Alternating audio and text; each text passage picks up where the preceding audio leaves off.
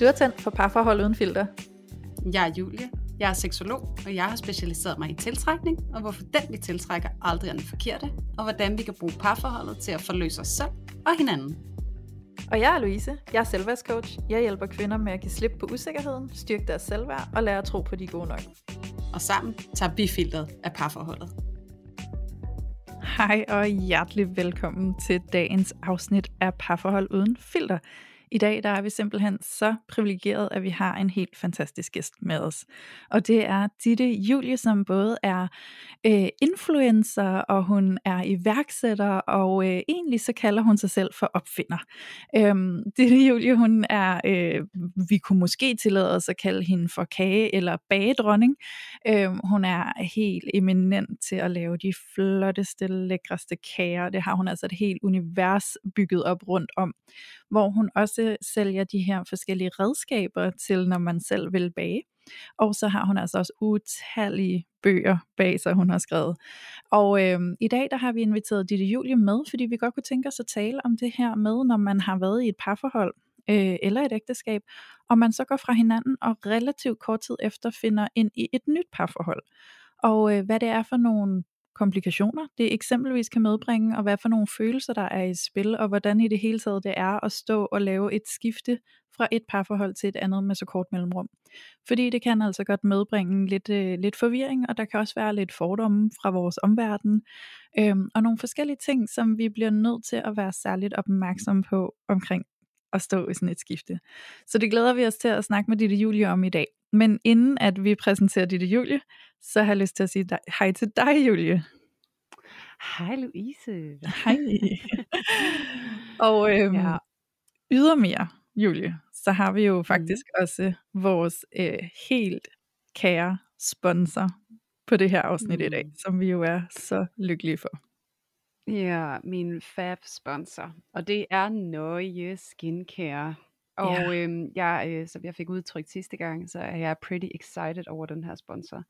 Og øh, det er jeg, fordi at jeg er den glade bruger af deres produkter, og faktisk har været det igennem en længere periode. Så jeg er gået fra et gedemarked nede i Sallings parfumeafdeling til ligesom at få sendt to produkter øh, hjem til mig, øh, hver gang jeg løber tør, som jeg så bruger, og som har givet mig simpelthen den mest harmoniske og øh, øh, ensartede hud, jeg nogensinde har haft i mit liv. Så jeg er kæmpe excited over de her produkter, fordi at øh, jeg har både råd til det, og det er nemt, og det der med, jeg skal, det er ikke sådan noget, åh, oh, jeg løber tør, og nu skal jeg ned i den her butik, for jeg kan kun få det der, eller jeg skal bestille det hjem fra nettet, eller jeg har simpelthen sat abonnement på, så det kommer, når jeg løber tør. Så det er sådan noget, jeg slet ikke behøver at tænke over længere. Ja. Og, øh, og, og sådan en er jeg altså. Jeg kan godt lide ting, jeg bare kan gøre, uden at skulle bruge alt for meget krudt på det, så jeg kan bruge mit krudt på det, der egentlig betyder noget for mig. Ja. Og, øh, og så vil jeg bare lige dele en øh, lille sådan specifik oplevelse, jeg har fået med nøje, som jeg synes, der er værd at, ligesom at dele ud af. Og det er, at, øh, at jeg er sådan en, jeg får virkelig øh, nogle bumser og sådan noget op til menstruation og sådan nogle ting. Og, øh, og det er jo faktisk også noget, de spørger om, når man laver den her skintest. Øhm, og jeg er jo ikke dermatolog, så jeg ved jo ikke, hvorfor at de laver tingene sådan, at det bare virker. Men det jeg altså kan se, når det er, at jeg bruger den nøje op til min menstruation, og jeg får de her bumser, det er, hvis jeg smører det på om aftenen. Hvis jeg renser min hud med det rens, jeg har fået frem, og jeg så smører den creme på om aftenen, som jeg har fået, så kan jeg faktisk se allerede dagen efter, at det er blevet bedre. Og sådan, altså, I'm not shitting you. Altså, jeg er så forundret over det, fordi guderne ved, at jeg har prøvet mange ting, men jeg har aldrig prøvet noget, der er så effektivt som det her. Og det, åh, det gør mig så glad at have fundet noget, der bare virker. Og derfor er jeg jo bare helt op at køre over, at kunne give alle jer lyttere muligheden for os at få den her oplevelse med et helt fantastisk hudplejeprodukt, som er parfumefrit og allergivenligt, og jeg skal komme efter jer. Altså, det spiller bare. I'm so happy. Det kan jeg virkelig godt forstå, Julie, hvor det er også bare fantastisk at finde noget, der bare virker. Ikke? Øhm, ja. Og det er jo sådan med, med nøje skincare, at det er jo ikke bare øh, hvilke som helst cremer. Det er jo cremer, der bliver lavet helt specifikt til dig. Så det er personlige cremer. Øhm, du går nemlig ind på deres hjemmeside, og så udfylder du en hudtest, så de kan lære din hud at kende. Og så laver de altså cremer, der, der, der sådan helt specifikt passer til dig og din hud, og de udfordringer, din hud måske har. Øhm, og det er jo det, der gør nøje helt særligt. Så, øh, så det er jo helt fantastisk, og så ydermere, så får du altså også en emballage, hvor dit navn står på, og jeg tror, altså, er de fleste af os ikke lidt vilde med, når ting kan blive personaliseret, og vores navn kan stå på, eller initialer, eller sådan et eller andet? Jo, Det er bare sådan en hyggeting, ikke? Ja, præcis. Og så vil jeg altså også bare lige sige, for det synes jeg er en kæmpe fordel ved Nøje, fordi nu sidder jeg og praiser det til skyerne, og så kan det være, at du sidder derude og tænker, det vil jeg også prøve, og, og så kan det være, at du ikke får den samme fantastiske oplevelse for mig, og så, som mig, og så vil jeg så bare lige sige, de har hudforbedringsgaranti. Ja. Det betyder altså, hvis du ikke oplever, at den creme, du har fået lavet, den virker for dig, så kan du få en ny creme uden beregning, eller også får du bare dine penge tilbage og kan komme videre i dit liv. Og, øh, og det synes jeg altså er et ret godt statement på, hvor sikre nøje er på, at det her produkt det virker. Øhm, og, og, og det andet fede ved det er jo også det her med, det er enormt miljøvenligt, også i forhold til, at de er virkelig ude på hele tiden at optimere emballage, og de er meget bevidste omkring det mærke, de sætter på miljøet, så de er hele tiden ude på at optimere sig. Så, så, så på den måde synes jeg altså, det er virkelig det er et brand, som, øh, som man også godt kan gøre brug af med god ro i maven, både i forhold til, at man bliver mødt i, at det skal have en effekt for en, men også i forhold til, at de, de møder ligesom miljøet i, at det skal gøre det så hensigtsmæssigt som muligt, at vi bruger mm. de her produkter, som mange af os jo gør. Ja. Ja. Det er, det, det er virkelig et øh, mega fedt brand. Jeg er mega begejstret for Nøje. Og øhm, så er det jo sådan, at alle jer derude, I kan jo også få muligheden for at blive lige så begejstret for Nøje, som vi er. Og øhm, det kan I så ovenikøbet også med en rabatkode. Fordi det er nemlig sådan, Mm. at hvis I bruger vores rabatkode, som er parforhold uden filter med små bogstaver, så får I altså 15% rabat på deres produkter. Så gå ind og lav en hudtest, find ud af, hvad det er for nogle produkter, der passer til din hud. Det finder nøje ud af for dig, og så sender de det til dig, og det går altså bare lynbøv. Så, øh, så gør Mhm. det, og have fornøjelsen af det, og så se, hvad det gør ved din hud, og øh, nøje er altså så søde, at de selv sender dig mails for at tjekke op på, hvordan går det med din nye hudpleje. Øhm, så, så du bliver altså ikke bare øh, overladt til dig selv, de holder altså virkelig øh, dig i hånden undervejs, og sørger for, at du får den hudpleje, der passer til dig.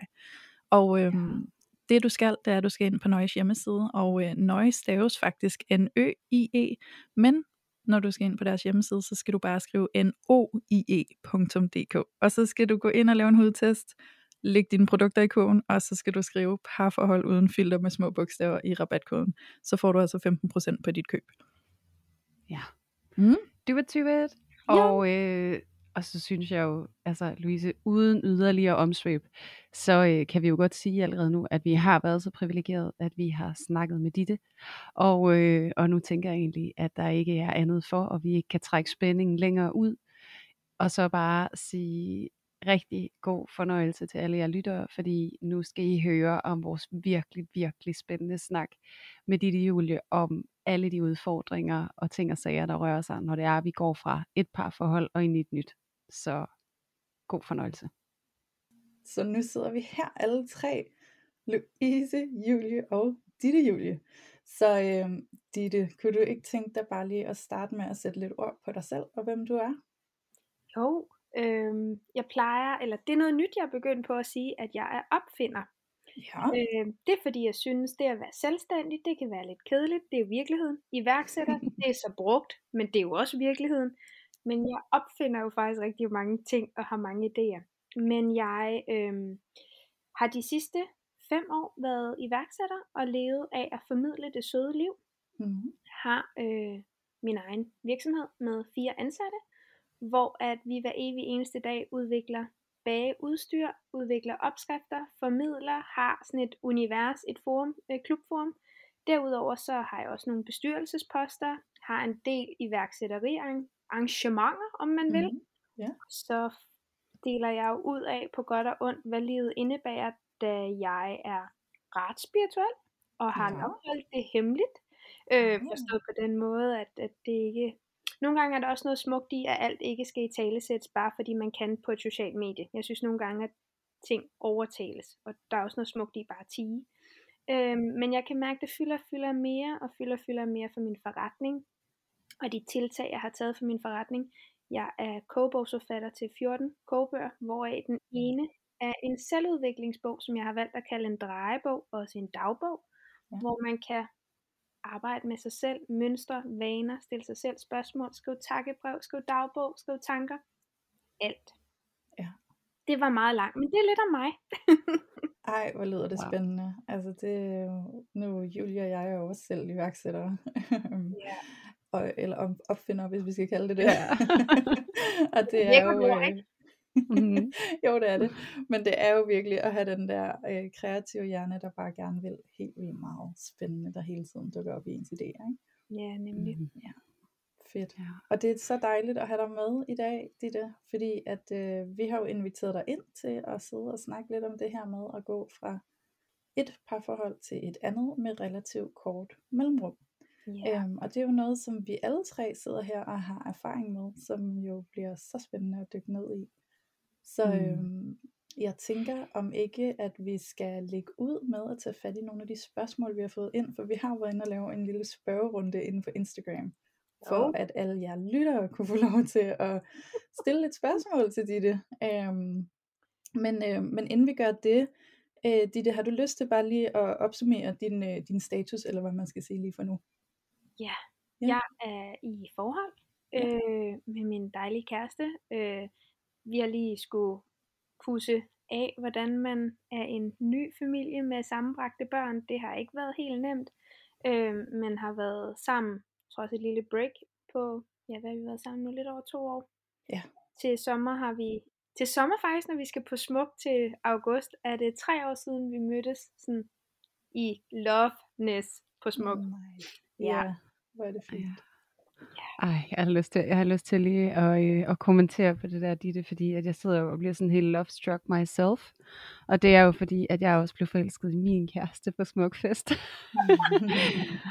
og det er også de der tre år siden, så jeg tror faktisk, vi to vi er gået blevet simultant forelsket i, Ja. i vores øh, kære kæreste, og det synes jeg bare var lidt fint. Vil du så også dig selv ind, at det bare var sådan en øh, drukboble af, at det her, det var ikke, altså sådan, det var bare, nu har vi en smuk flirt, og så tager vi hjem, og så starter hverdagen igen. Ja, altså på en måde, ikke? Altså jeg, jeg, kom, jeg tror, jeg genkendte det lidt som sådan en skepsis, den der, altså drukboble, det der, og det er jo også det der, som, som Smoke Your Brain der så lidt på, ikke? Den anti-hverdag. Ja. Og så tænker jeg sådan, ja ja, det er anti-hverdag, ikke? Der er ingen madpakker, der er ikke noget barn, der er ikke noget institution, der er ikke noget arbejde, der er ingen, ingenting. Der er Nej. bare lige det her moment, og det tager jeg bare lige ind fully, og så blev det sgu hængende, ikke? Og så tænker jeg sådan, shit mand. Og som tilføjelse til det her afsnit, så var jeg jo faktisk selv lige blevet skilt. Altså sådan hen over sommeren. Så det var jo bare, Mm. altså in a heartbeat, ikke? Altså at der Ja. lige pludselig kom noget andet ind. Ja. Så jeg er jo også selv altså super highly invested i det her afsnit, fordi at jeg synes, at der også, altså, og det ved jeg ikke, om du kan genkende i det, det her med, der kan også godt altså, komme mange fordomme egentlig i slipstrømmen på, at man har en kort overgang, altså alle mulige, øh, det ved jeg ikke, gode, dårlige intentioner om at fortælle en, er det ikke lidt tidligt, er det ikke lidt hurtigt, og hvad med barn, og skulle du måske lige, og har du tænkt, og så derfor synes jeg, at det det er rigtig, rigtig dejligt at få lov til at lave det her afsnit, og også sammen med dig, og ligesom at tale ind i, hvad det også er. Altså, for der er jo ingen, det er jo ingen hemmelighed, der er udfordringer, men Ja. det kan også være helt fantastisk og blive rigtig, rigtig fint. Ja. Ja, Ja, og, og samtidig vil jeg også sige, at, at jeg synes også, at en ting er andres forventning, øh, men andres frygt plantede en frygt i mig, som jeg faktisk ikke selv havde, men deres frygt og bekymringer på mine vegne, om jeg nu mærkede efter sådan nogle ting, skabte bare endnu mere kaos ind i mig, end egentlig hvad godt er. Og jeg tror noget af Mm. det, jeg sådan har overført fra den tid til i dag, er enormt meget det her med, at det kan ikke nytte noget, at hvis min veninde kommer og siger, hun er blevet forelsket, at jeg så begynder at stille spørgsmålstegn. Jeg kan lige så godt bare lytte, og jeg er sikker på, at hun har tænkt de tanker, der skal tænkes, men at jeg fik stillet så mange spørgsmålstegn, som gjorde, at jeg pludselig et følte, jeg skulle til at forsvare, hvad jeg selv følte, og mig som voksen kvinde, og alle de her ting, men også at i mit stille sind, når jeg så sad alene, så begyndte jeg jo at tænke over alle de spørgsmål, jeg har fået, og frygt og bekymringer, som pludselig blev til mine tanker. Øh, og det synes jeg faktisk næsten er, er noget af det værste. Øh, et andet sådan, eksempel på det, bare for at seerne, skulle jeg til at sige, det hedder det ikke her, men lytterne forstår, at i sommer var jeg i Kroatien med min mor og mine to børn, og min mors frygt for, at vi skulle lege en bil og køre rundt, at hun ikke turde at køre, og hun synes, det var skræmmende i et udland og sådan nogle ting. Jeg bar den ikke, men fordi hun havde i tale sat det så meget, så da jeg endelig får papirerne og nøglen på den her lånebil og sætter mig ind, så går jeg faktisk helt i panik over, at jeg skal til at køre. Og jeg var sådan, du har plantet en frygt i mig. Og det skete også lidt i mit sådan nybragte forhold, at alle af kærlighed, vel at mærke jo, ønskede, at jeg havde tænkt mig en ekstra gang om, gjorde bare, at det blev mere omstændigt, end det, hvad det i virkeligheden måske skulle, fordi der var rigeligt, rigeligt ind i mig. Jeg behøvede ikke også andres. Mm. Ej, jeg bliver nysgerrig i det, fordi altså, når du siger, at du kunne mærke det sådan snige sig ind i dit parforhold, den her frygt, som ligesom var blevet plantet i dig, sådan, hvordan kunne du se på dig selv, at den ligesom var kommet under huden på dig? Hvordan, hvordan kunne du se, at du blev og agerede ud fra det, hvis du har lyst til at prøve at sætte nogle ord på det? Jamen, altså jeg tror, altså det der var i det, det er, at min kæreste er 8 år yngre end jeg, bor i Aalborg, jeg bor i København, og er selv sagt 8 år ældre, har to børn, var lige blevet skilt, øh, drev en virksomhed, øh, og ikke nok med det, så øh, havde jeg været sammen med min eksmand i 12 år, og vi havde købt et hus sammen, og altså, jeg havde sådan et virkelig voksenliv, og han havde startup virksomhed og lille lejlighed, og når man var sulten, så tænkte man nok ud, hvad skal jeg ned i Rema og handle, og jeg havde madplaner og struktur, og altså, det var bare to verdener, der altså nærmest i min verden slet ikke kunne, og det der med alderen, og ja, ærligt, jeg som kvinde nåede jo også at tænke, inden vi overhovedet nærmest havde noget at kysse på hinanden, ah, nej, nej, nej, nej, fordi så skal jeg måske have flere børn, og hvad så, og han, og I og Å, i stedet for bare at prøve at være i momentet.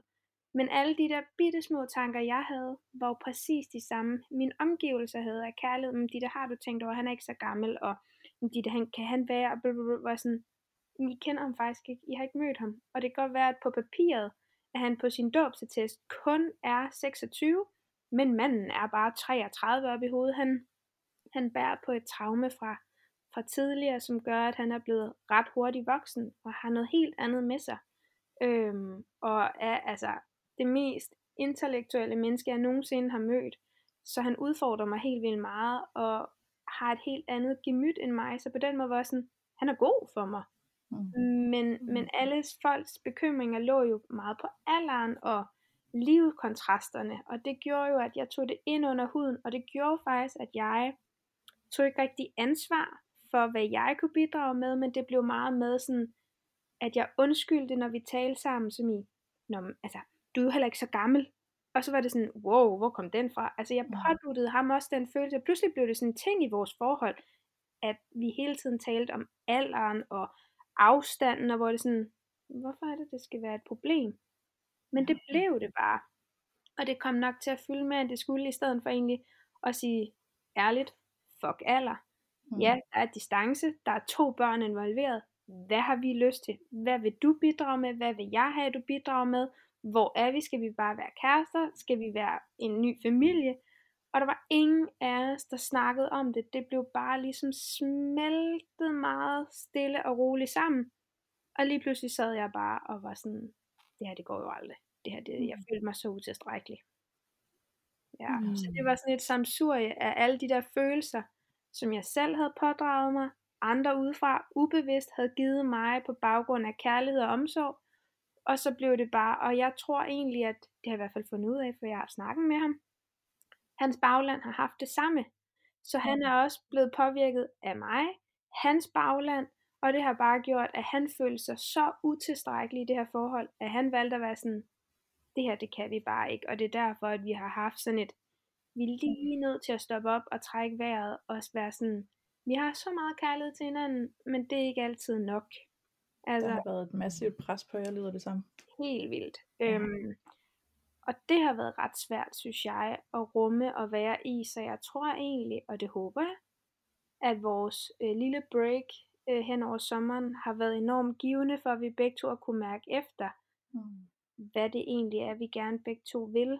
Øhm, og så måske i virkeligheden også acceptere, at jeg ved ikke om det er en kvindeting, men det der med at kigge så langt frem altid, og skulle planlægge det hele, og forudse det hele, være sådan, hey, no, no, no, no. Er jeg glad i nuet, så er jeg glad i nuet. Det spilder jeg aldrig. Jeg kan aldrig spille min tid ved at være glad. Hvis jeg er ulykkelig, så spilder jeg min tid, men jeg er reelt set glad. Så kan jeg lige så godt bare nyde at være i det. Om det så holder en måned eller et år, det er jeg sådan set ligeglad med. Jeg er bare glad. Ja. Ja. Og prøve at slippe fremtiden en lille smule. Jo, præcis. Mm. Ja. Det tror jeg er et vigtigt træk, også fordi nu var et af de spørgsmål, vi har med i dag, det er jo netop den der med fordommen fra omverdenen, ikke? Mm. Øhm, og nu kalder jeg det fordomme, og det, det behøver ikke at være fordomme, det kan også bare være domme, og det kan også Mm. bare være, som du siger, frygt i andre, som de overfører til en, ikke? mm. Og det kan jo være så utrolig svært, fordi nu sidder vi jo alle tre og faktisk er i et parforhold, hvor at øh, lige inden vi indledte det parforhold, vi er i nu, der mm. var Mm. vi øh, meget kort tid inden sammen med en anden partner. Ikke? Ja. Øhm, og jeg personligt husker det som værende enormt forvirrende at mm. gå Mm. fra et parforhold til et andet med 14 dages mellemrum, og Mm. ikke engang nå at kalibrere mig selv. Ja. Altså sådan, jeg nåede ikke rigtig at nulstille mig selv, og sådan lige komme til mig selv, før at så stod jeg i en ny forelskelse, øh, og indledte et nyt parforhold, og var øh, altså sådan mildest talt lidt forvirret, ikke? Mm. Og så samtidig også at ligge under et pres for nogle af de domme, eller fordomme, eller frygttanker, der kan komme udefra, fra familie eller venner, eller måske sidder man også bare selv med nogle tanker på, hvad tænker andre, ikke? Så, øhm, så det kan jeg godt forstå, at det har været et pres at gå igennem. Ja, og jeg vil også sige, at egentlig så tror jeg nu, når du selv siger det her med, at når man går fra det ene forhold til det andet, øhm, også nu beder jeg mærke i en af spørgsmålene, I sendte til mig, det her med, hvordan undgår man ligesom at tage sine gamle mønstre med ind i et nyt forhold. Ja. Øhm, og det kan være rigtig svært, når man går fra det ene forhold til det andet forhold. Øhm, og som udgangspunkt har jeg det faktisk sådan, jeg synes ikke, der er noget galt i at gå fra et forhold til et andet. Fordi du kan ikke styre, hvornår den er der. Og man er også nødt til at ture og leve og gå med den, når den er der. Og nogle gange så er den der bare pivhammerne hurtigt, og andre gange er den ikke. Og jeg vælger at se sådan på det, at det er der en mening med. Der er nogen, der har Mm. plantet det her menneske foran mig på min vej, sådan så vi skulle have en eller anden form for synkronicitet og mødes. Og vi har noget at lære hinanden. Og det jeg tror, at det her med at hive gamle mønstre ind, uagtet om man vælger at være single i et halvt, et helt, to, tre år for at finde sig selv efter sådan et brud, det er der jo nogen, der har behov for, og andre har behov for at dulme smerten ved bare at hoppe ud i et nyt. Ja. Og nogle gange opstår kærlighed, og andre gange ikke. Men de mønstre, de vil jo altid være med dig, fordi det er ikke mønstre, du har fået via en anden. Det er dine mønstre, som bare er blevet trigget. Og der Mm. ligger enormt meget ansvar i at ture og kigge indad. Og måske i virkeligheden mit, mit sådan bedste råd til det, det er at ture være ærlig for sin nye partner og sige, mit gamle forhold var sådan her, så når du nu siger det her, så trigger det bare så meget ind i mig, men jeg ønsker det ikke. Og det er ikke fordi du skal tage ansvar for, så må du ikke sige sådan. Det er bare, at du ved det, sådan så vi sammen måske kan være ops på, for jeg vil gerne ændre det. Mm. Så man beder sin partner om hjælp, uden at de skal ændre sig selv, fordi de skal jo ikke tage et ansvar. Det er jo dig, der skal tage et ansvar for dine mønstre. Øhm, nogle er jo desværre også været i et forhold, hvor at de er blevet brainfucket, eller mm. er sådan helt ude af den, eller jeg hørte også en af jeres afsnit med, at, at det der med utroskaben, og så at kvinder hurtigt tror, så er alle mænd bare utro, og så har de ligesom dannet et mønster. Men det er jo dem, der pådutter deres nye kæreste, at det er sådan, det er, og det tror jeg egentlig, det gælder alle mønstre, Mm. at de kommer til at hive, altså det kan jeg i hvert fald for helt sådan inderst af mit hjerte sige meget ærligt. Jeg tror, at alt det, jeg var ked af i mit gamle forhold, som valgte at gøre, at jeg ikke længere skulle være sammen med mine børns far til sidst, det stammer jo fra en masse inde i mig, men også fordi jeg ikke lyttede, som gjorde, at jeg gik og byggede det op, og det blev værre og værre, og byggede sådan et, et offerrolleskjold omkring mig selv.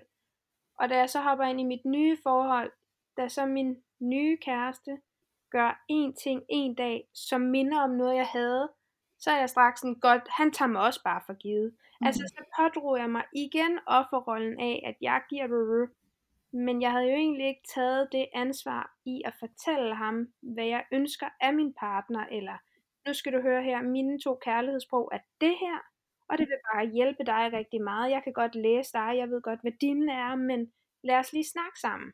Ja.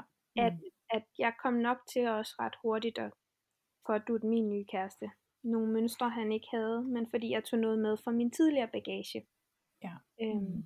Og der, er- der kan man altså ikke pådutte andre mennesker det. Der handler det om en selv. Men det er nu engang også det, der er allersværest. Det er jo at arbejde med sig selv. Det er meget nemmere at pege. Helt bestemt. Men jeg tænker også, det er nu, du er inde på det her, ikke? Mm. Så netop det der med at blive opmærksom på sig selv og sin egen mønstre og tage ansvar for det og i talsætte det.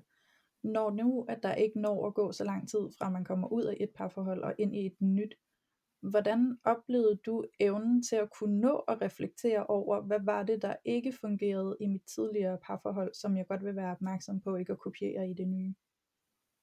Jeg tror egentlig, at der gik faktisk øh, lidt tid før, at jeg sådan indså det, fordi lige, lige da det er, vi finder sammen, øh, jeg møder, jeg kender godt Joachim, men, men som en øh, perfær øh, netværksdude, jeg kendte gennem iværksætteriverdenen, øh, og, og ærligt, jeg så også på ham som værende sådan en meget ung, ivrig, glad type, hvor jeg bare sådan, kæft hvor er du nice, men jeg skulle ikke lige forestille mig, at han skulle være min partner og lege far til mine børn, øh, bonusfar. Men sådan hele den del af, at jeg tror egentlig, jeg startede med, fordi der kun gik 4-5 måneder, mm. så var det meget øh, nyforelskelse. Den der, uhu, altså, jeg var bare sådan helt høj på at have mødt en og være sammen med en. Men for vi har den her smuk fløjt i august, til at jeg sådan kigger ham dybt i øjnene og siger, at jeg bliver aldrig klar. Så jeg kan lige så godt bare sige det nu. Lad os bare sige det os to, fordi jeg bliver aldrig klar til ligesom at, altså, for han blev ved med at spørge, hvor er vi i det her, og hvad skal der sådan ske? Og jeg var sådan, jeg kan ikke love dig noget. Altså jeg prøvede virkelig at beskytte mig selv. Øh, også for ikke at, at sove hverken ham eller jeg, fordi at jeg var sådan, jeg skulle da ud og hygge mig nu. Nu var jeg jo blevet single, og nu skulle jeg ud og finde mig selv. Og, og der tror jeg, at i hele denne her sådan, kærlighedsfase, der er jeg egentlig sådan helt høj på endorfiner og glæde, at jeg, jeg mærker altså ikke lige efter. Jeg går ikke lige ind i mig selv. Men, men ret hurtigt oplever jeg også, øhm, helt banalt sådan noget som, at når han var over, når jeg havde børnene, så øh, det er jo sådan en som mor, jeg havde et kæmpe savn til, nu skulle jeg endelig være sammen med mine børn, men jeg var også lidt nyforelsket, så jeg ville også gerne give min kæreste noget, man vil også gerne lige være den der gode kæreste, men jeg kunne simpelthen ikke være noget for alle, for, og jeg glemte også lidt mig selv i det, og det gjorde, at sådan noget simpelt som da jeg stod og smurte madpakker og lavede aftensmad og alle de der ting, selv sagt, det skulle jeg, men nu havde jeg jo en, der legede sådan en kæreste ting, og så begyndte alle de gamle mønstre for mig sådan, nå okay, men han tager mig også bare for givet, nu står jeg og gør det hele, og så skal jeg bagefter ligge mig, så skal jeg lige være overkæreste menneske på sofaen, og der kunne jeg bare mærke, at jeg sagde ikke noget, men langsomt begyndte jeg at tænke, ej, det her det bliver bare det samme. Så jeg lød ligesom mine tanker løb lidt af med mig, i den der følelse af, at uh, det her, det, det, det bliver aldrig rigtig helt godt. Og alligevel så, nå jamen okay, altså. Og så fik jeg heller aldrig rigtig gjort noget ved det, lige indtil hvor jeg til sidst bare var sådan, nu er der for mange eksempler til, at det her, det dur ikke. Og der tror jeg egentlig, det går op for mig sådan, hans måde at reagere på, kunne jeg godt mærke, at vi er i hver vores ende. Og måske det egentlig er mig, der ikke har taget et ansvar Måske det egentlig er mig, der ikke har mærket efter, men jeg pådrog mig bare den her offerrolle af, det er synd for mig. Nu fortjener jeg kærlighed, nu fortjener jeg at være et godt forhold. Jeg fortjener, at nogen ser mig, nogen griber mig, nogen holder mig. Jeg kan ikke være stærk hele vejen rundt. Men i virkeligheden er der jo ikke andre, der kan gøre det end mig selv. Mm. Altså, så, så der gik egentlig lang tid, men jeg tror ikke, jeg registrerede det. Altså sådan, jeg gik bare mm. ligesom med det. Jeg ved ikke, om det gav mening, men... Jo, det giver vildt meget mening. og måske sidder jeg også og tænker særligt for mig, for jeg kan virkelig genkende rigtig mange af de ting, du siger, Ditte. Øhm, mm. Jeg tror også selv, at jeg har levet lidt ud fra sådan en præmis i mit liv øh, i lang tid, og en offerrolle, sådan som du beskriver det, hvor at, at jeg har sådan lidt en forventning til mig selv, om jeg skal være lidt et overmenneske, mm. og at jeg skal præstere til UG i alle livets aspekter, og så det her med, at at blive fætter på en eller anden måde i et aspekt af ens liv, og så for mit vedkommende blev det også i mit parforhold, hvor jeg tænkte sådan, hold nu kæft, altså, I keep the boat floating, but what do you do? Ikke? altså den der frygt for at så gentage det, altså gør også, at jeg følte mig hypersensitiv i mit nye parforhold, og jeg ligesom gik og tog notits af, altså ubevidst, hvor meget gør jeg, hvor meget gør du, og hvornår tipper skalaen, sådan at det her det ikke fungerer længere. Ikke?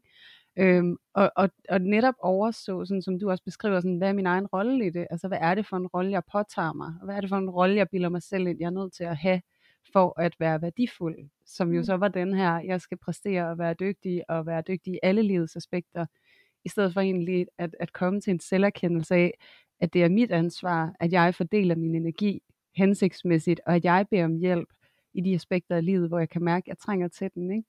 Men, ja. men, men hvis man ikke har den der øh, indlejrede tilbøjelighed til netop at række ud, når at man, noget bliver besværligt for en, så skal man jo nogle gange presses netop helt derud, hvor at mønstret ligesom står og skriger en op i ansigtet, og man skal tage ansvar, eller så skal man faktisk give afkald på noget igen, som er værdifuldt ja. for en, ikke? Jo, men så tror jeg også, altså nu sidder vi jo i en situation, at du og jeg har børn, og Louise, du har ikke, men, men jeg er stadig sådan, jeg tror ikke, at, altså en ting er, at børnene eller barnet har en ekstra dimension, som virkelig skaber øh, noget, man ikke kan definere, før det er der. Men jeg tror, det er de samme øh, følelser, man sidder med, med det her med, at man har været i et forhold, det har været sådan her, og det kan være svært at give slip på, fordi man jo nok i virkeligheden selv synes, at man var den, der gav rigtig meget, og man, jeg tror ikke, der er ret mange mennesker, der går ud af et forhold med sådan en, åh, oh, kæft, for var jeg egentlig også en kejle, eller det kunne jeg da selv lige have gjort bedre. Altså, vi peger bare ofte fingre, og har lidt sværere ved at sige, det var mig. Og når man så har ind i et nyt forhold, så tror jeg, uagtet børn eller ej, så er det jo desværre det samme. Lige så snart den der store forelskelse, eller de der sådan, øh, endofiner har lagt sig bare en lille smule, så er der jo ikke langt ned i at altså, krasse i den lille bitte fine lakoverflade, man har lavet, fordi det er jo det samme, der skal arbejdes på. Øhm, og det kan jo i virkeligheden måske også siges, at der er ikke noget galt i at gå fra det ene forhold til det andet, fordi det er ikke ens betydning med, at du kan hele dig selv, når du er single, fordi så har du en anden adfærd. Det er jo dig som menneske i et forhold eller en relation til en anden. Det er der, du har nogle problematikker, som du ikke kan arbejde med nødvendigvis, når du er alene, fordi de mm. opstår i tosomheden og ikke i ensomheden. Ja, det giver så god mening, det. Jeg har også en, en underviser, der har altid sagt til mig, at alle de sår, der opstår i en relation, de skal hele sin relation. Mm. Så det der mm. med, at man vælger at involvere sig igen med den menneske, og, og der tror jeg også, der er noget vigtigt ligesom at understrege i forhold til, når vi taler ind i det her tema med at gå hurtigt ind i et nyt forhold, at der kan man jo også som individer have brug for øh, modsatrettede øh, udviklinger, hvis man kan sige det sådan. Altså hvor at, at jeg kunne se i mit brud, i min skilsmisse, at noget af det, som min eksmand måske havde brug for, det tør jeg godt sige, for vi er meget transparente omkring den her proces, men det var egentlig at stå på, lidt på egne ben, og, og have tillid og ro i, at jeg kan godt selv. Jeg behøver ikke at være i symbiose med et andet menneske, for at føle mig helt det var hans læring. Hvor, hvor min læring, jeg var jo sådan, jeg skal aldrig have en kæreste igen. Fordi jeg gider ikke at være et serviceorgan, eller skulle til at bruge al mit krudt på det her møg. øhm, så det der, så udviklingspunktet for mig var jo faktisk måske netop at gå ind i en relation, og så lære at transformere den til det, den, den oprindeligt måske skulle have været. Ikke?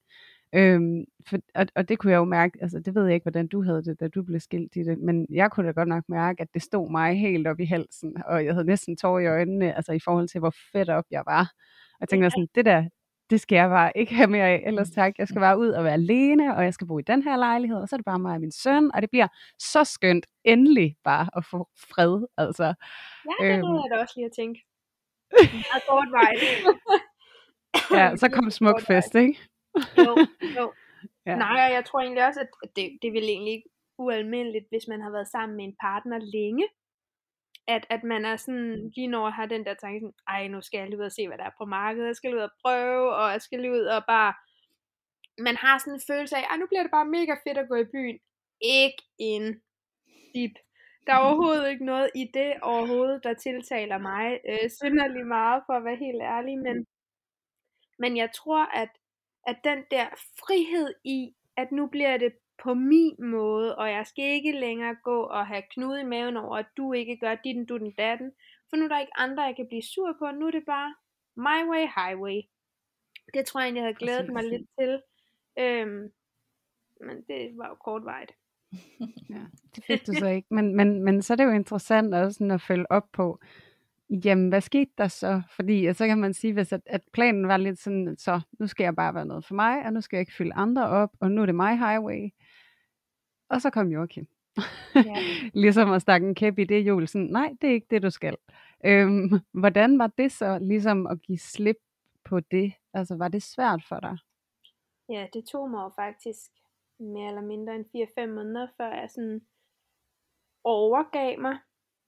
Og jeg tog faktisk øh, i december, øh, det må jo så have været i 2019, tror jeg næsten må have været, der tog jeg på øh, retreat, for jeg var sådan, jeg kunne slet ikke mærke mig selv, og jeg var så fortvivlet, og samtidig var jeg glad, og skilsmissen var hård, og min skilsmisse var offentlig, og to børn, der var kede af det, og der var bare sindssygt meget uro inde i mig.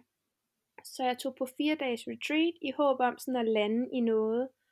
Og Joachim var ved at skide i bukserne hjemme i Danmark over, at kommer hun nu hjem og siger, Niks, jeg skal bare være mig.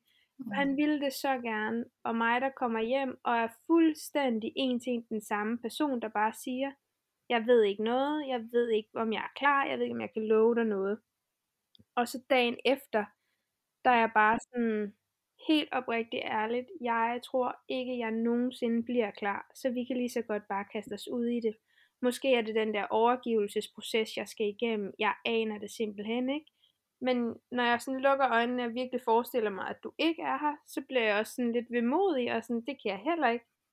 Men jeg har også svært ved lige at få evig København og Aalborg og to børn og to selvstændige typer, og øhm, Joachims virksomhed på det her tidspunkt er sådan et meget, meget startup med nul løn og ingenting, og det kræver bare noget helt andet, øh, og harmonerede ikke lige ind i at skulle lege familiefar og bo i øh, fin lejlighed i København, og jeg, øh, da jeg ligesom går fra min eksmand, der flytter jeg i en øh, lejlighed i København, alt, alt for dyr lejlighed, men det er jo slet ikke til at få en lejlighed overhovedet.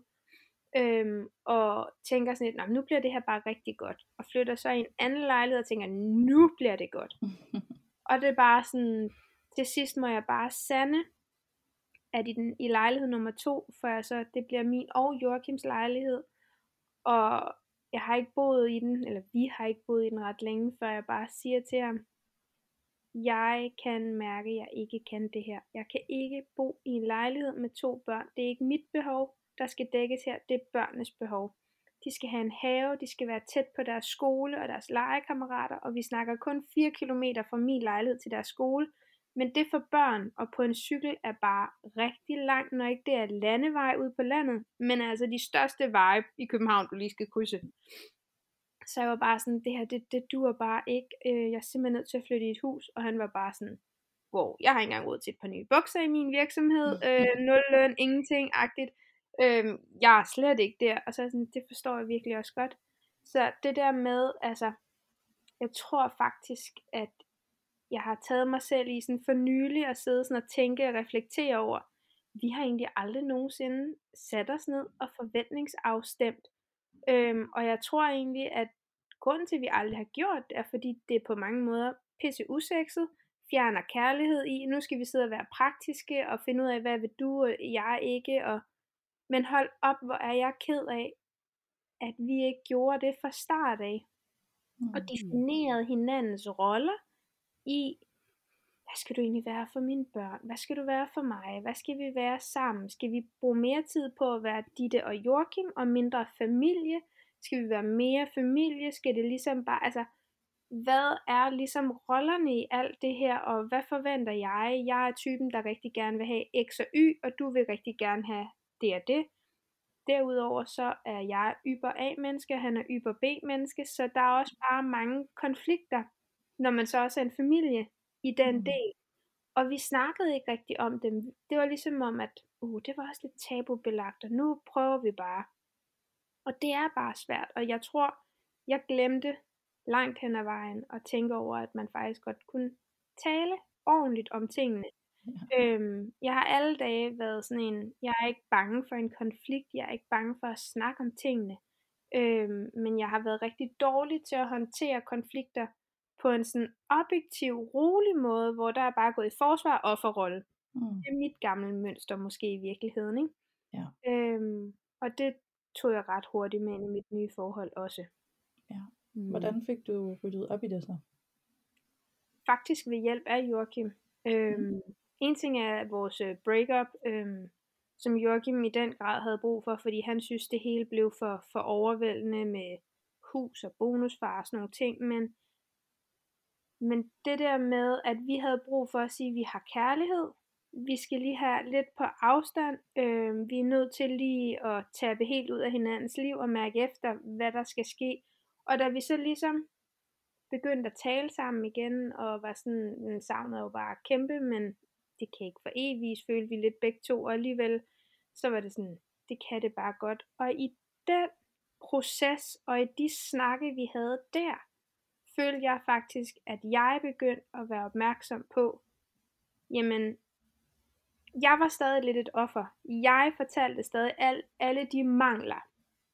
Men hans måde at være enormt god til at tale på, tale roligt, øh, og ikke mindst tale meget i billedsprog, det kan jeg faktisk meget godt lide, som Mhm. gjorde, at jeg fik sådan ret tydelige beviser på, hvad jeg gjorde og hvad jeg ikke gjorde. Ja. Og det tror jeg begyndte at bevidstgøre mig så meget fra, at jamen, jeg, jeg gik med den der offerrolle i, og det tror jeg nok desværre, der er rigtig mange, der gør, altså os kvinder, vi laver regnskab, nu har jeg gjort din, du den datten, og du har gjort én ting, så nu skal du gøre 900 ting, før vi lige regnskabet. Og de kommer aldrig op på det regnskab. Og det gjorde bare, at jeg begyndte på mit rigtig grimme regnskab indeni, så når først han begyndte at åbne munden, så kom jeg med mine 900 ting, der var i plus dittes favør. Mm. Og det gjorde bare, at jeg var sådan, hvor han også bare sagde, "Hvor- hvordan skulle jeg vide, at jeg skal opnå alle de der ting, når ikke du siger det? Og så sagde jeg klassikeren. Det kunne også være, at du bare skulle til at se mig lidt. Hvor mm. det sådan lidt, han er jo ikke tankelæser, og det er der jo ikke nogen, der er. Og jeg tror egentlig, jeg har haft det meget sådan, hvor svært kan det være? Jeg forlanger ikke ret meget, jeg vil bare gerne have det her. Men så blev jeg sådan lidt, "Men jeg kan jo ikke forlange det, hvis ikke jeg har sagt det. Eller hvis ikke jeg siger det. Eller jeg tror egentlig langt hen ad vejen har jeg haft sådan et gammelt mønster, som er blevet rigtig tydeligt i min nye relation med, at jeg forventer, at andre mennesker kan se mig. Jeg beder ikke om noget, jeg beder ikke om hjælp. Men så når det når mig hertil, så begynder jeg at åbne munden, men så er det kun munddiarré eller dårligdom, der kommer ud af munden på mig, i stedet for det er konstruktivt, når at det er, ja. Så, Så det er du nået at blive fedt op. Fuldstændig. Ja. Så jeg tror egentlig først, at meget af min bevidstgørelse i, i de her relationer er kommet for sent. Mm. Men mm. bedre set end aldrig. Ja, Ja. måske, jeg ved Mm. ikke det der, om der også ligger noget i lige pludselig at opdage konsekvensen af, hvis man ikke gør noget ved sig selv. Mm, jo, bestemt.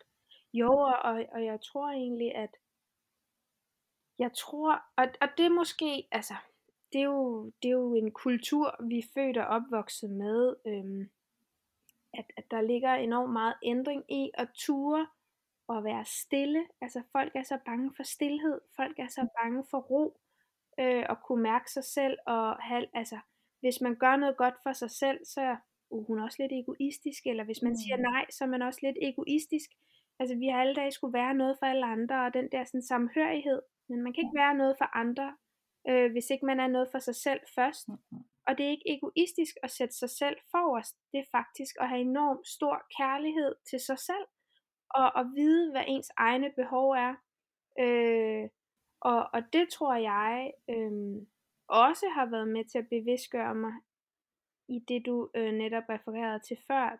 Altså, at vi, vi, vi tør at tage Mm. noget ansvar for, hvem vi er, og at det er aldrig for sent at, at turde kigge ind af og ændre nogle ting.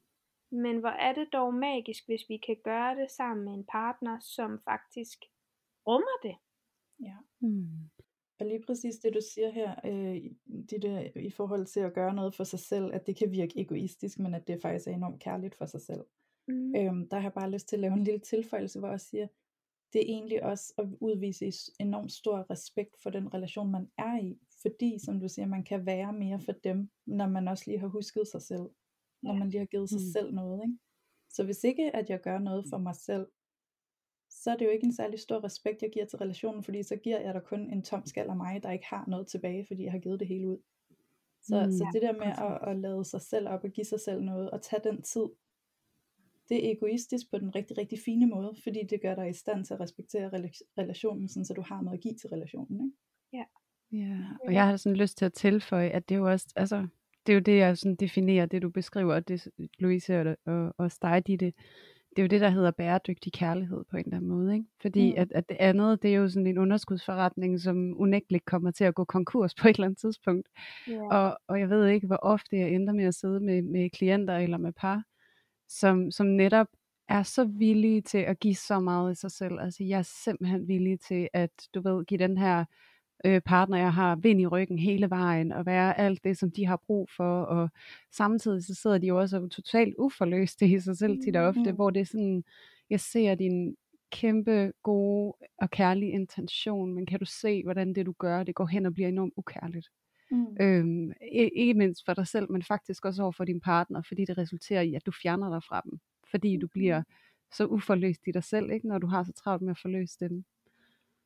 Altså jeg har sådan, hvis jeg må komme med et eksempel, så har jeg bare sådan et dygfrisk eksempel fra i går på, hvordan det kan gå, når man, når man giver for meget af sig selv.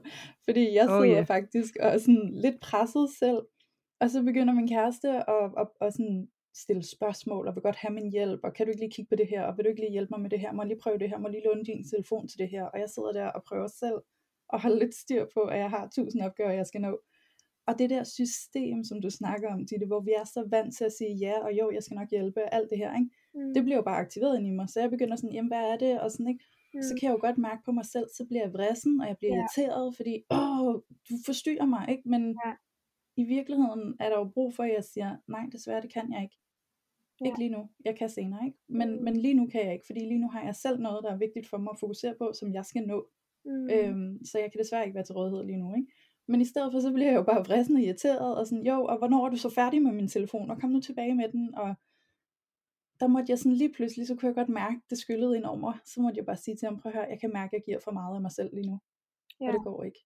Og så er han jo rigtig sød, og det tror jeg også kommer kvæg, at vi har snakket meget om det, ikke? Og så er han jo sød til at sige, okay, men så, så værsgo, her er din telefon, ikke? og så må vi bare gøre det senere. Ikke? Og det er jo det der, vi skal huske på, at der er altså ikke noget ondt eller forkert i at sige fra og sige, jeg kan ikke rumme det lige nu, jeg kan ikke være der for dig, samtidig med at også lige prøve at være der for mig selv. Nej. Og det er okay. Og det er bare okay Jamen, at sige det, som det er. Ikke? Og lige der er det eksempel bare så godt på, at den læring, der ligger i det, er jo i virkeligheden, at man kan aldrig blive sur på ærlighed. Man kan godt blive sådan, åh, hvor træls, men man kan reelt som modpart ikke blive sur på ærlighed. Jeg vil også 20 gange hellere have, at en veninde skriver til mig, hvis vi har en aftale, og altså, jeg har intet overskud at give af, jeg er alt for stresset op i hovedet, kan vi lave en ny aftale, i stedet for at være sådan, komme med en røver. Ja. Han var den der ærlighed, men det der med, at du måske i går havde sagt, at han var sådan, kan vi lige, at du så bare sagt, jeg er lidt stresset over mine egne opgaver, giv mig en team, så vil jeg meget gerne hjælpe dig, men lige nu vil du få et halv, halvhjertet hjælp. Ja, og så kan han være sådan, nå, jamen okay. Men i stedet for, så prøver du lige håb om at spise ham af, og så spiser det bare til en åndssvag situation, hvor at der er netop ikke noget egoistisk i at sige, jeg vil pisse gerne hjælpe dig, når jeg selv er der, hvor jeg kan hjælpe dig. Præcis. Fordi det kunne du jo tydeligvis ikke. Ja. Øhm, og det synes jeg da, altså for at være helt ærlig, nu kan jeg godt selv, når man sidder og snakker med her, tænke, hold op, hvor lyder hun som om, hun bare er, nej, på ingen måde perfekt. Og jeg har mm. virkelig mange øhm, ting, hvor jeg stadig arbejder med, øh, lidt, lidt som du også sagde, Julie, altså denne her, jeg kalder det en selvhedshammer, men den her med, at man skal præstere alle steder, være god alle steder, øh, husk at være noget for alt og alle, alle steder, at, at jeg er bare heller ikke perfekt, øhm, men, men jeg tror, jeg har fået en enorm nysgerrig tilgang til, hvordan jeg kan blive en bedre udgave af mig selv, for jeg føler faktisk, at det ikke engang i mit parforhold, men i filteret til mine børn, har jeg et ekstremt behov for, vi, vi er jo alle sammen brændte børn, vi har alle sammen et lille traume, mm. vi har alle sammen et mønster et adfærd for vores forældre, og alle har gjort det så godt de kunne. Men hvordan kan man bryde det, fordi lige nu er jeg jo også et produkt af, hvad jeg er født og opvokset i. Og det vil jeg jo gerne prøve at minimere over for mine børn. Og jeg tror, at hele min sådan, bevidstgørelse i de her ting ligger for mig rigtig meget ikke i relationen til min partner, fordi vi voksne mennesker kan snakke, men børn hører ikke, de ser.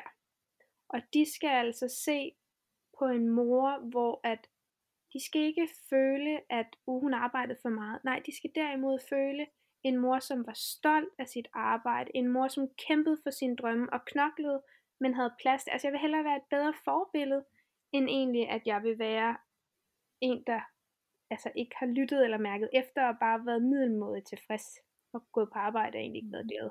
Fordi hende har jeg også været. Og det resulterede bare i, at jeg desværre blev hende, der råbte lidt for meget af mine børn. Og det har jeg brugt meget tid på, øhm, mm. og, og, og tilgive mig selv for at være blevet sådan en, vi mig og min datter kalder det monstermor. Mm. øhm, så nogle gange, når det spidser lidt til, så siger jeg, lad nu være at få mig til at blive monstermor. Og nogle gange bliver jeg også ked, for det er jo ikke hendes ansvar, men, men det er det der med, når, når man, øh, ja, jeg kan godt briste lidt, hvis, ikke, øh, hvis jeg har fået glemt mig selv i løbet af dagen. Øh, ja. Fordi så har jeg ikke noget at give af. Men man skal give noget til sine børn. De kan jo ikke ligesom undvære. Og så bliver det monkey see, monkey don't do. ja. uh. ja. Ja. Jeg kender det der så godt, det det er virkelig også noget, jeg har arbejdet hårdt med, og faktisk egentlig også det at komme ud af det der, mit, jeg havde, mit øh, parforhold varede så syv år, mit lang med min eksmand. Og det der med at komme ud og egentlig at få øje på, hvor meget man måske nærmest har selvskadet ved at blive og træde det samme gamle spor, de samme gamle mønstre, og netop hvor tydeligt det bliver i mødet med ens børn. Altså, jeg kender godt monstermor. hun, øh, hun tager også ophold i mig en gang imellem. Yeah. Men, men men noget af det, jeg sådan ligesom kan se har givet rigtig meget mening, det er, det er jo også, at når man så giver sig selv lov til ligesom at blomstre og blive den person, som man selv trives i at være, så bliver man også en stor værdi for sine børn. Plus, at noget af det, der hvor jeg oplevede, at monstermor hun kom til, til værk, det var, øh, det var jo når, at der opstod konflikter, eller ting, som blev bøvlet, eller og alle de her udfordringer, der kan være i en hverdag med et lille barn, ikke? Og, og der, der kom jeg jo ligesom til kort, fordi jeg var så opbrugt så der var ikke så meget tilbage.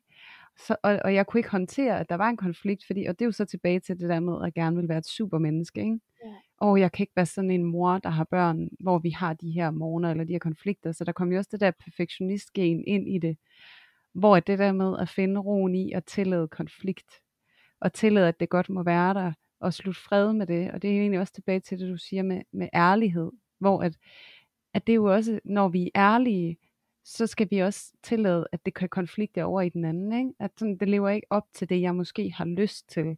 Så derfor bliver jeg frustreret på dig. Men det er jo egentlig, at man bliver villig til at stille sig i skudlinjen for andres frustration på en eller anden måde, og vide med sig selv, men det er ikke på mig, fordi jeg gjorde det, der var nødvendigt, og at jeg er villig til at stå i det, som det avler, i stedet for hele tiden at prøve at overpræstere i sit liv, for at undgå folks skuffelse og konflikt og modstand. Ikke? Så ja. det der med at, at blive tillidsfuld i, jamen relationer består, selvom de bliver konfliktfyldte. Om det så er med ens børn, eller med ens kæreste, eller med ens venner, eller hvad det er. Ikke? Altså det er jo en kæmpe stor læring, og jeg tænker også, altså at temaet så ikke at tale ind i, når man går fra et par forhold til et andet. Men jeg tror faktisk, det er noget af det, uanset hvor du står i livet, at der vil være værdifuldt at lære dig selv, det er at tillade dig selv at se andre blive skuffet over dig, eller utilfreds med dig, og, og, og have tillid til, at det du gjorde for dig, det var faktisk i orden. Og også tilbage mm. til det, du sagde i starten, det der med andres bekymringer og sådan noget, ikke? hvordan det kan fylde op, det der mm. blik på os udefra, så når vi helt ja. mister kontakten til os selv. Ikke? Jo, og, og måske i virkeligheden også det her med, at øhm, vi har så travlt med, at uh, nu skal vi finde os selv, og alt det der, det, det kan jeg sagtens følge. Men jeg tror også bare, at jeg kan jo godt være øh, solo i, i få aspekter i mit liv og gøre ting, der er godt for mig.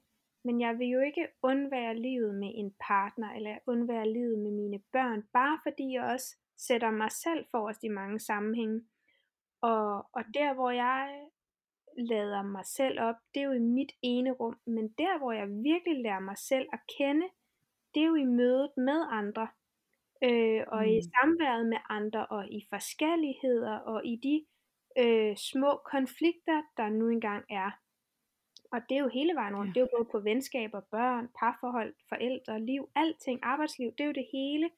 Men mm. men sådan i, i den relation øh, til en partner, der tror jeg bare, at det er enormt vigtigt, og egentlig også med børn, at man ikke er en undskyldning for sig selv, at man står op for sig selv og erkender de fejl, man har, øh, og de mangler, der er, fordi du vil gerne heles, du vil gerne føle, at du er en federe udgave af dig selv, og der, jeg tror altså på, at det kan sagtens lykkes i en partner, at man får noget opbakning og noget støtte og noget hjælp til at finde sig mm. selv i den sammenhæng.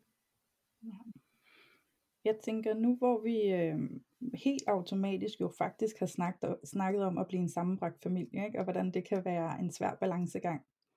Øh, så er der også kommet nogle spørgsmål i forhold til det her med at introducere sine børn for en ny partner. Øh, Ditte, hvordan og hvorledes tog du det an? Øh, hvad var det for nogle tanker, du havde og overvejelser, du gjorde i forhold til, hvornår skal jeg gøre det, og hvordan skal jeg gøre det, og så videre, så videre. Jeg tror virkelig ikke, man skal følge mit eksempel. Nå, okay. Nej. Øhm, klip tilbage til, børn hører ikke, børn ser. Ja. Børn ved og fornemmer meget mere, end vi tror. De har jo de vildeste intuitive evner. Ja. Øhm, og hvis vi voksne kunne bevare den intuitive evne, så var vi alle sammen som sådan nogle åbne kanaler. Altså det, det var vi bare. Ja. Men mm. vi får fordomme, og vi får anskuelser hele vejen rundt. Ikke? Men øhm, ja, i og med at Joachim jo var selvstændig, så, øhm, og han sjovt nok efter Smuk Festival pludselig begyndte at få rigtig mange møder i København. Og jeg fik også møder i Aalborg. Jeg har aldrig haft et møde i Aalborg. Det fik jeg lige pludselig. øhm, altså så, uagtet om jeg havde børn eller ej, selvom jeg godt inderst inden vidste, det var lidt usmart, så tilbød jeg ham ligesom min sovesofa. Øhm, også selvom jeg havde børnene, men så var vi bare venner øh, mm. i rummet, og at øh, vi var jo også bare venner, der prøvede at se, om den her fløjt skulle udvikle sig, eller ikke skulle udvikle sig, men øhm, ja, der, der gik et par måneder, og så begyndte Joachim jo at komme til de her møder, hvor at, at vi ligesom bare sagde til børnene, at det her det er mors ven, Joachim han er fra Aalborg, og Joachim hyggede sig bare med dem, og synes det var hyggeligt. Øhm, og da vi så i december siger til børnene, øh, der er noget, mor Joachim gerne lige vil fortælle jer, I skal bare vide, at mor Joachim er blevet kærester. Og der siger min datter bare, har I ikke hele tiden været det? Ja. og sådan, åh, oh, goddammit. Øhm, altså, så hvis, hvis jeg kunne lige her spole tilbage, det er ikke fordi jeg fortryder noget, men hvis jeg kunne gøre noget om, øh, og set i øh, bagklogskabens klare lys, mm. så ville jeg nok have valgt at prioritere, uagtet mine egne følelser, at Joachim ikke havde været i lejligheden, når børnene havde været der, før end at jeg der i december var blevet sikker.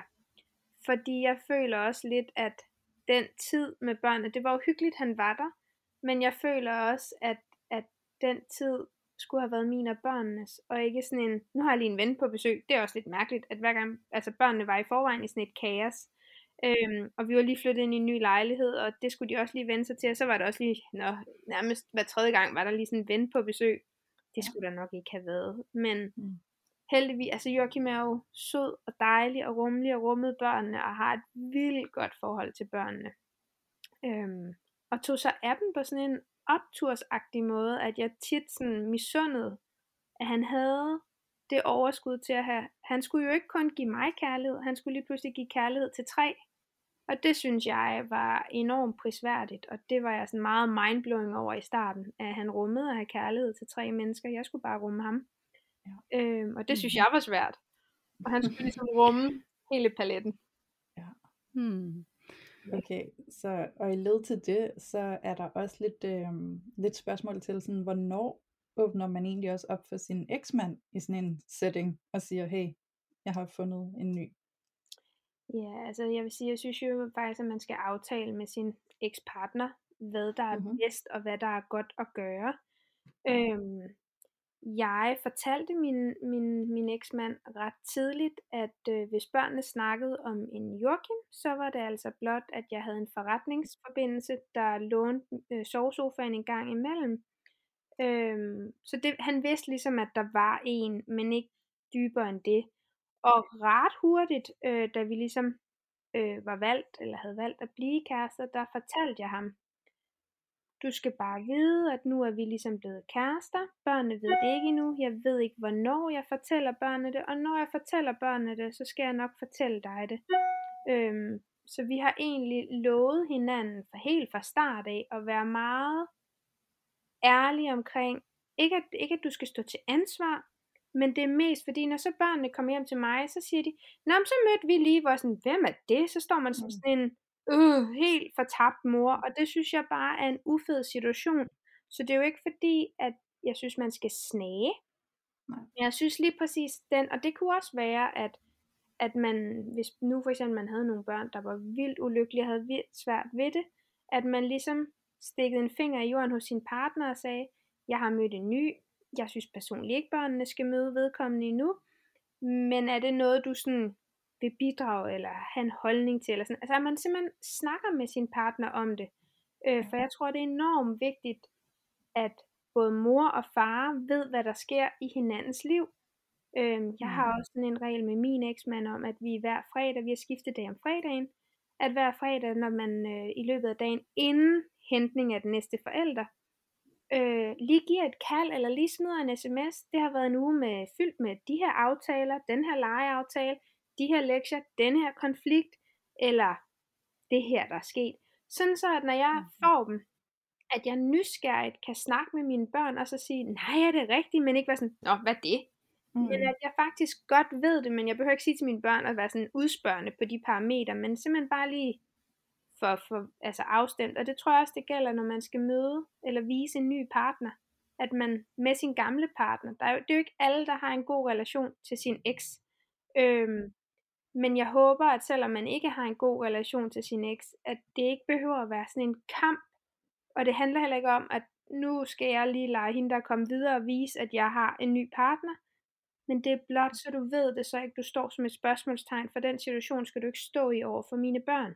Så mm. det er jo, i min verden handler det måske i virkeligheden mere om respekt, ja. end det egentlig handler om mit behov, men mere respekten i, at han ved besked. Ja. Mm.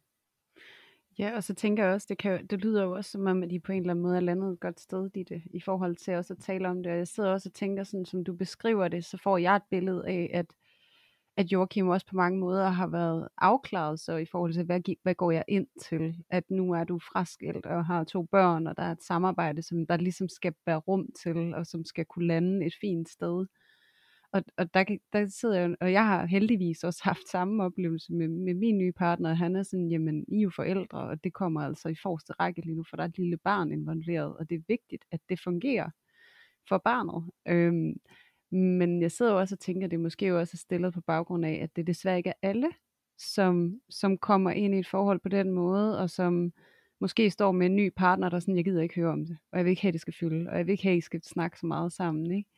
Ja. Øhm, og der tænker jeg også, at det er jo også måske et fint sted lige at stoppe op, og så egentlig værdsætte, at, at vi er så privilegerede alligevel, at den kommunikation, den har kunne være der, ikke? Jo, men jeg vil også sige, Joachim og jeg snakkede faktisk meget om, fordi jeg undskyldte meget i starten og havde dårlig samvittighed og følte, øh, følte det lidt anstrengende, at mit tidligere liv med min tidligere partner fyldte så meget, for det var jo ikke bare en eks eller en eksmand, men det var altså også min børns far. Så mine børn talte også om ham. Han var jo meget aktuel, fordi at, at mit, han er jo lige så aktuel for mine børn, bare ikke for mig. Men mm. det gjorde jo, at, at, at min eksmand og vil alle dage fylde enormt meget, fordi han jo er min børns far, og er mm. en ting. Og i og med, at vi også har været sammen i 12 år, og, og på det her tidspunkt, da vi går fra hinanden, er jeg 32, så jeg har kendt ham siden jeg var 20, og det er altså også ret vilde år, for, for, altså, hvor vi udvikler os fra 20 til 30, og, og det gør jo også, at hele min familie skulle jo også vende sig til, at vi ikke længere havde den mand i livet, men nu den her mand i livet, men at når vi snakker stadig meget om ham, fordi og sådan og sådan. Og det kunne jeg godt mærke, at jeg tit sådan undskyldte for, at jeg var bange for, at Joachim tænkte alt muligt. Men igen måtte jeg bare se i øjnene, det var mig, der følte en, en ubehag. Han gjorde det slet ikke. Så mine tanker, uviden om, hvad han egentlig tænkte, fordi jeg glemte at spørge, gjorde jeg, byggede det op til, at jeg sådan, uh, havde lidt ondt i maven, hver gang vi skulle besøge familie, og han skulle med, eller når børnene snakkede om, fordi, og det ene og det andet, hvor det bare var sådan, så spurgte jeg ham, og så var han sådan, ja, det fylder meget, men det ville også være mærkeligt andet. Så det er, hvad vi Mm. gør det til. Og så var jeg sådan, ja, ja. Mm. Igen Mm. havde jeg åbnet munden. Fra start af havde jeg nok i virkeligheden oplevet en helt anden dialog. Men jeg nåede i mit eget tankespind at køre den helt af sporet. Øhm, Mm. og, og det tror jeg også, at det er jo igen også, hvad for en partner møder man. Jeg har en, der er på ingen måde jaloux. Jeg besidder ikke selv at være jaloux overhovedet. Øhm, så det, der er jo nogen, der besidder den her evne og har en helt anden kontrol. Og så kan det være forstyrrende af HT. Men igen, kommunikation, det er bare nøglen. Så det lyder jo også som om, Ditte, at det er de sådan gennemgående råd, det er jo det her med kommunikationen, ikke? og det her med at sige nu noget. Øh, Så sådan, lad være med at vente for længe, lad være med at gå og lave alle de her tankespind. Kommunikere i talesæt det du har på indersiden, ikke? fordi det kan spare dig for rigtig meget. Ja, at tage enormt meget ansvar. Øh, virkelig være selektiv, virkelig mærke efter. Ja. Øh, det er okay at være følsom, og det er okay at synes det hele er lidt svært, men tal om det. Mm. Tal om det. Ja. Mm. Jeg tror for mange, der ikke taler om det, jeg tror, det kan være flere ting, men jeg tror blandt andet, det kan være den der ubevidsthed i, at man faktisk ikke lige tænker over at tale om det, men at man bare går og roder rundt med det alene. Men jeg tror også, at for nogen kan det være frygten for, om det er for meget at tale om det. Altså sådan, kan det skade vores forelskelse, eller kan det skade vores relation, hvis jeg i tale sætter mine følelser? Kan det Mm. blive for meget? Ikke? Kan det skræmme partneren væk? Ja, der tror jeg jo i virkeligheden, at jeg har måttet sande, at det skræmmer mere partneren, og det skræmmer mere mig, da min partner ikke talte med mig, men lukkede sig ind i sig selv, fordi at man ikke vidste, hvor og hvad man skulle snakke og gribe og gøre i, at så bliver man indadvendt i sine egne tanker. Og der er ikke noget værre, når man ikke kan komme igennem til sin partner, eller man fornemmer, at ens partner forsvinder for en, fordi man simpelthen ikke taler sammen. Ja. Øhm, at jeg tror, der er mere skade forbundet med ikke at tale, end egentlig at tale. Så kan det godt være, at man frygter det, man skal tale om. Men, men i virkeligheden, så tror jeg også, altså tilbage til det her med, at ens partner, ens omgivelser, kan bedre acceptere en hudløs ærlighed, uagtet om den er sådan lidt øv for den anden part, end den i virkeligheden er en forglemmelse, foragtelse, vi snakker ikke om det, vi gemmer det, vi fejrer det under gulvtæppet, og så bliver det nok aldrig en ting. Og det Ja. gør det jo. Mm. Ja, jeg er meget enig.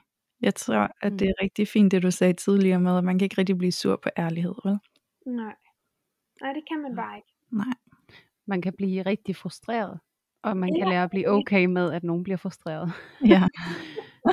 det der med at ture og være upopulær. Særligt Ja. hvis man har gået og arbejdet rigtig hårdt for at blive populær og øh, leve op til og, og følge med på alt, hvad det er, man har sat sig for i troen om, at det er man nødt til for ligesom at have en legitim plads i verden.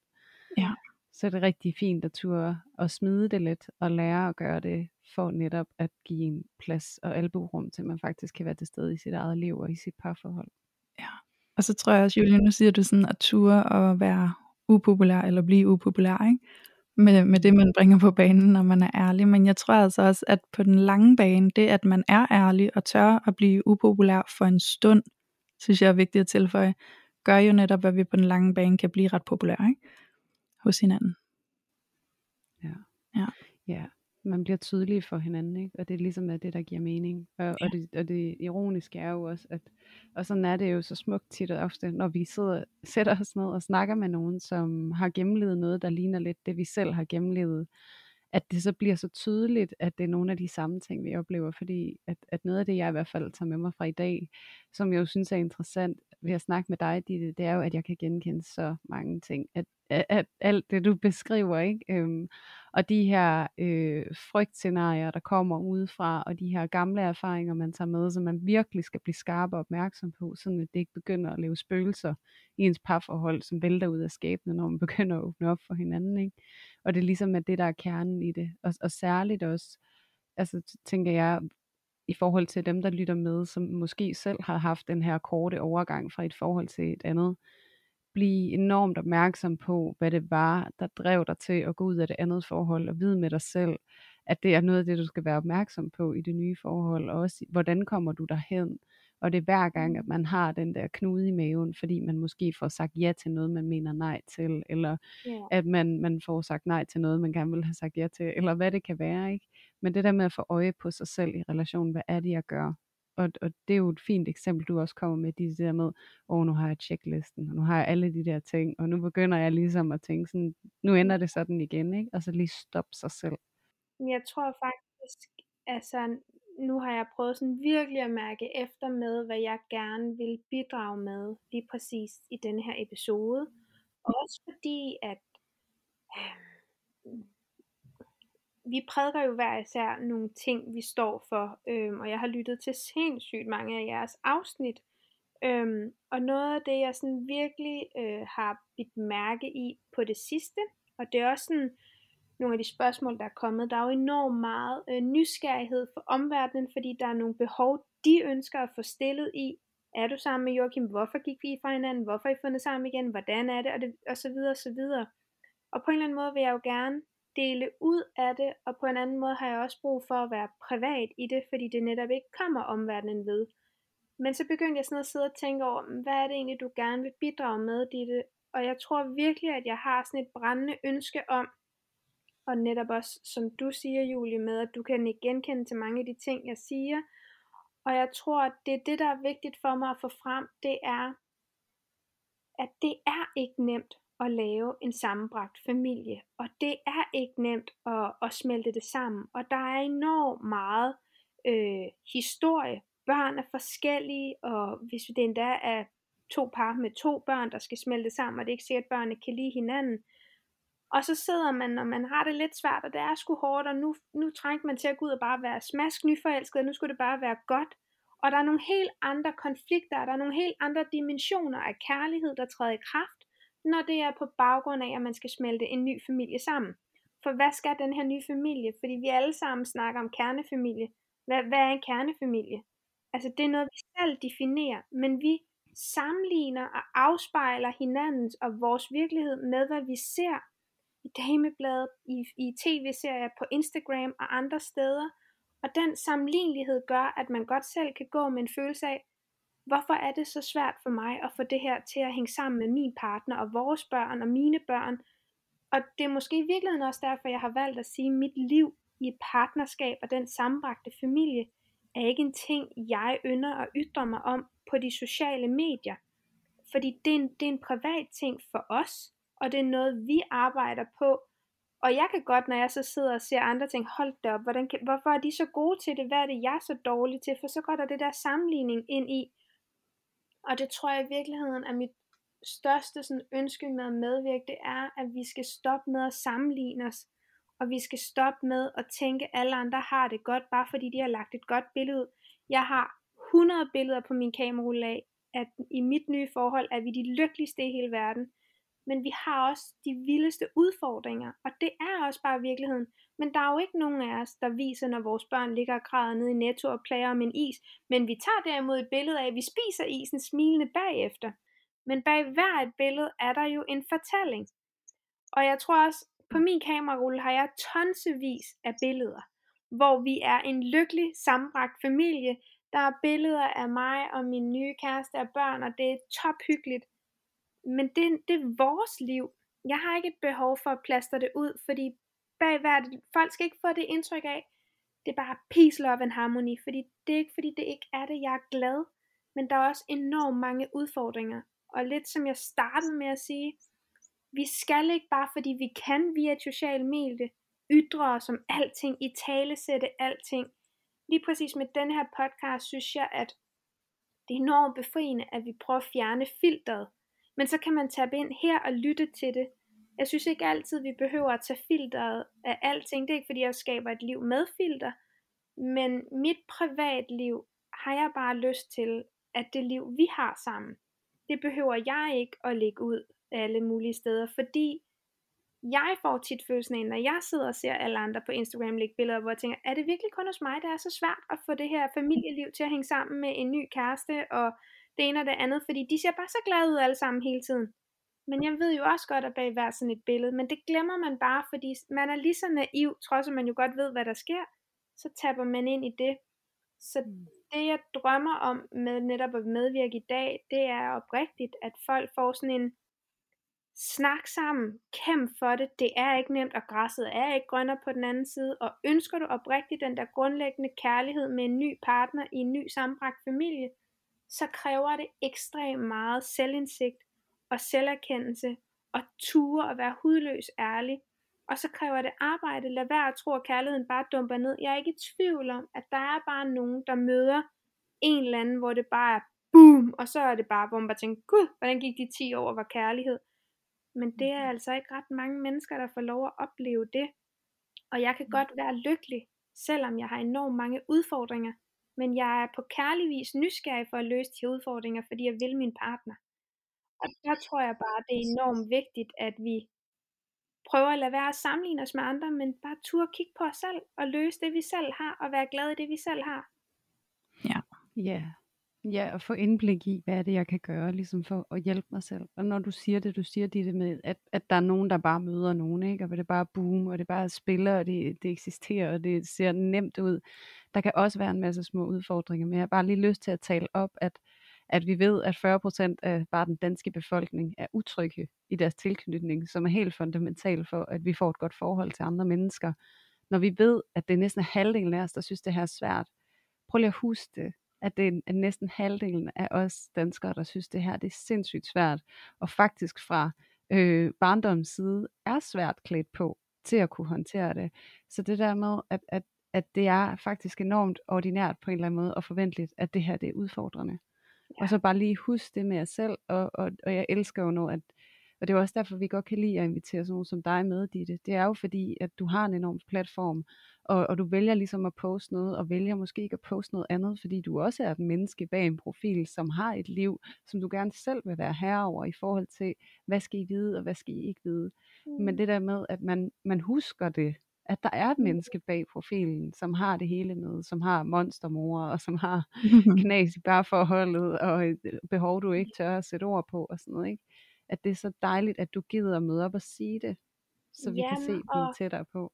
Noget af det, da, da I sendte de her spørgsmål, der kunne jeg jo igen læse, hvor jeg igen mærker ind i, okay, hvad vil du gerne dele det, fordi er det fordi du ønsker at dele det for hjertet, eller er det for at dække andres behov, at du deler det? Mm. Fordi jeg kunne jo godt se, at mange af de spørgsmål, der kommer, er jo fordi folk er ekstremt nysgerrige på det liv, jeg har, fordi jeg ikke deler den del af det. Mm. Men igen må jeg bare sige, hvor skal jeg lægge min energi? Er det i at tilfredsstille andre menneskers behov for, at de kan hvile i, om de der har det sådan og sådan? Eller er det mit behov for, hvad jeg vil dele? Og det tror jeg er enormt vigtigt, at vi husker på, når vi netop i forhold til andre mennesker på de sociale medier, i vores forhold, vi skal kunne tåle at høre, når veninden er æder, lykkelig og lige har oplevet det helt vildt, og man selv lige har skændt så tænker hvorfor er det ikke mig? Men det der med at kunne se alle aspekter i det, og ikke fylde sig sin egne behov op, men egentlig bare være sådan, lige nu skal jeg kunne nyde og være glad på andres vegne, og rumme andres ting, uden det påvirker mig så meget. Og det, det er bare virkelig, virkelig synes jeg svært at tilfredsstille. Altså det er lidt ligesom, når vi skal tilfredsstille vores børn, hvis vi ikke selv er fyldt op, og vi skændes med vores partner, så bliver det bare sådan en ond cirkel. Øhm, og der er kun én til at tage det ansvar. Det er en selv. Ja. Øhm, det er jo bare virkelig noget af det, jeg tænker, at når jeg har lyttet til alle jeres vidunderlige afsnit, øh, og hvor jeg tit har siddet og tænkt, hold da op, nej, nej, nej, nej, gud, ja, ej, hvorfor havde jeg ikke tænkt på det? Ej, hvis jeg bare havde vidst det, så havde jeg aldrig haft den diskussion, eller, altså, hvor jeg tror virkelig, at, at jo mere vi kan bevidstgøre os og gøre ting til vores egne, og have bolden på egen banehalvdel, og tage det, vi kan bruge, og det, vi ikke kan bruge, det skal vi bare skubbe fra os, uden at vi behøver at fortælle hele omverdenen, hvorfor vi skubber det fra os. Og måske er det det her blog, øh, internet, øh, Instagram-medie, der har gjort, at alt bliver i talsat. Og det er bare ja. lidt synd, for der er også noget smukt i, at alt ikke skal i talsættes. Enig. det er også fair at have nogle private grænser. Men, øh, men Ditte, hvor har du drysset mange rigtig fine guldkorn ud over vores podcast i dag. det er jeg simpelthen så glad for, at du har gjort. Og øh, ja. sindssygt taknemmelig for, at du har været med os her i dag og øh, beriget vores podcast, fordi hold nu op, hvor var der mange fine indsigter, som jeg er sikker på inspirerer alle dem, der sidder og lytter med. Oh, så tusind, tusind tak. Det er mig, der siger tak. Ja. Ja, det har været en kæmpe fornøjelse. Ja, det har det virkelig. Og inden vi runder helt af her, så, øh, så har mig og Julie selvfølgelig nogle ting, vi godt lige vil sige til alle jer lytter. Øh, blandt andet, at vi jo har vores fantastiske loge inde på Facebook, en øh, Facebook-gruppe, som du kan blive medlem af. Derinde gemmer der sig altså et fantastisk fællesskab, hvor du kan komme ind og spare med alle de andre lyttere og øh, egentlig komme til at opdage, hvor lidt alene du er med alle de dilemmaer og følelser, du sidder med. Øhm, så derinde, der bliver filteret i den grad taget af, og der er, det, der er der simpelthen de rå historier, der bliver delt, og øh, der bliver du altså bare støttet og rummet og omfavnet, når der er noget, der er svært for dig. Så øh, kom derind, vi lukker, øh, vi lukker nye medlemmer ind hver tirsdag. Du skal bare gå ind på Facebook og søge på parforhold uden filter-lotion, og så anmode om at blive medlem. Ja. Do that, to that. Og øh, der kan man så faktisk også dele helt anonymt. Så hvis du ikke er så villig til at sætte ansigt på og dele ud, og du egentlig gerne vil bevare, bevare dit privatliv, lidt ligesom vi har talt ind i her til sidst, ja. så kan du altså dele anonymt og stadigvæk få adgang til enormt meget støtte og kærlighed og spejling, hvis det er det, du sidder og længes efter. Så øh, en kærlig invitation til at hoppe dig ind og så blive en del af et fællesskab, som virkelig er ude på at støtte dig i og, og finde ud af dit parforhold og finde ud af dig selv. Det er en varm ja. anbefaling herfra. Og, øh, og så vil jeg også sige, at I er også hjertens velkommen til at gå ind og rate vores podcast, der hvor du lytter til os. Og hvis du sidder på Apple Podcast, så kan du sende os nogle stjerner, og måske skrive en lille anmeldelse. Eller hvis du sidder på Podimo, så må du meget gerne give os en thumbs up. Og inde på Spotify, der kan du også give os et par stjerner, hvis du lige sidder og føler for det.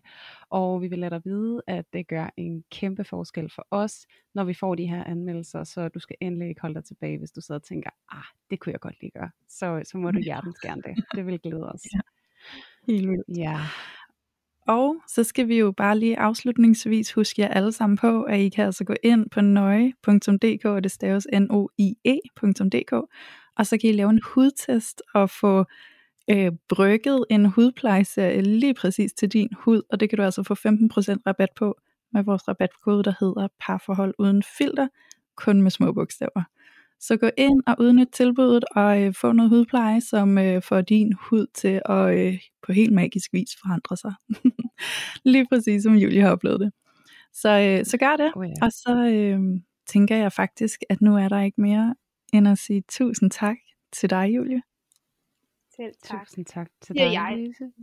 Ja, og tusind tak til dig, Ditte Julie. Det, det er fordi, jeg Julie, og jeg er så vant til, at der er så mange, der kommer til at sige Julie, og så jeg svarede bare, sorry. Nej, ved du hvad, Ditte Julie?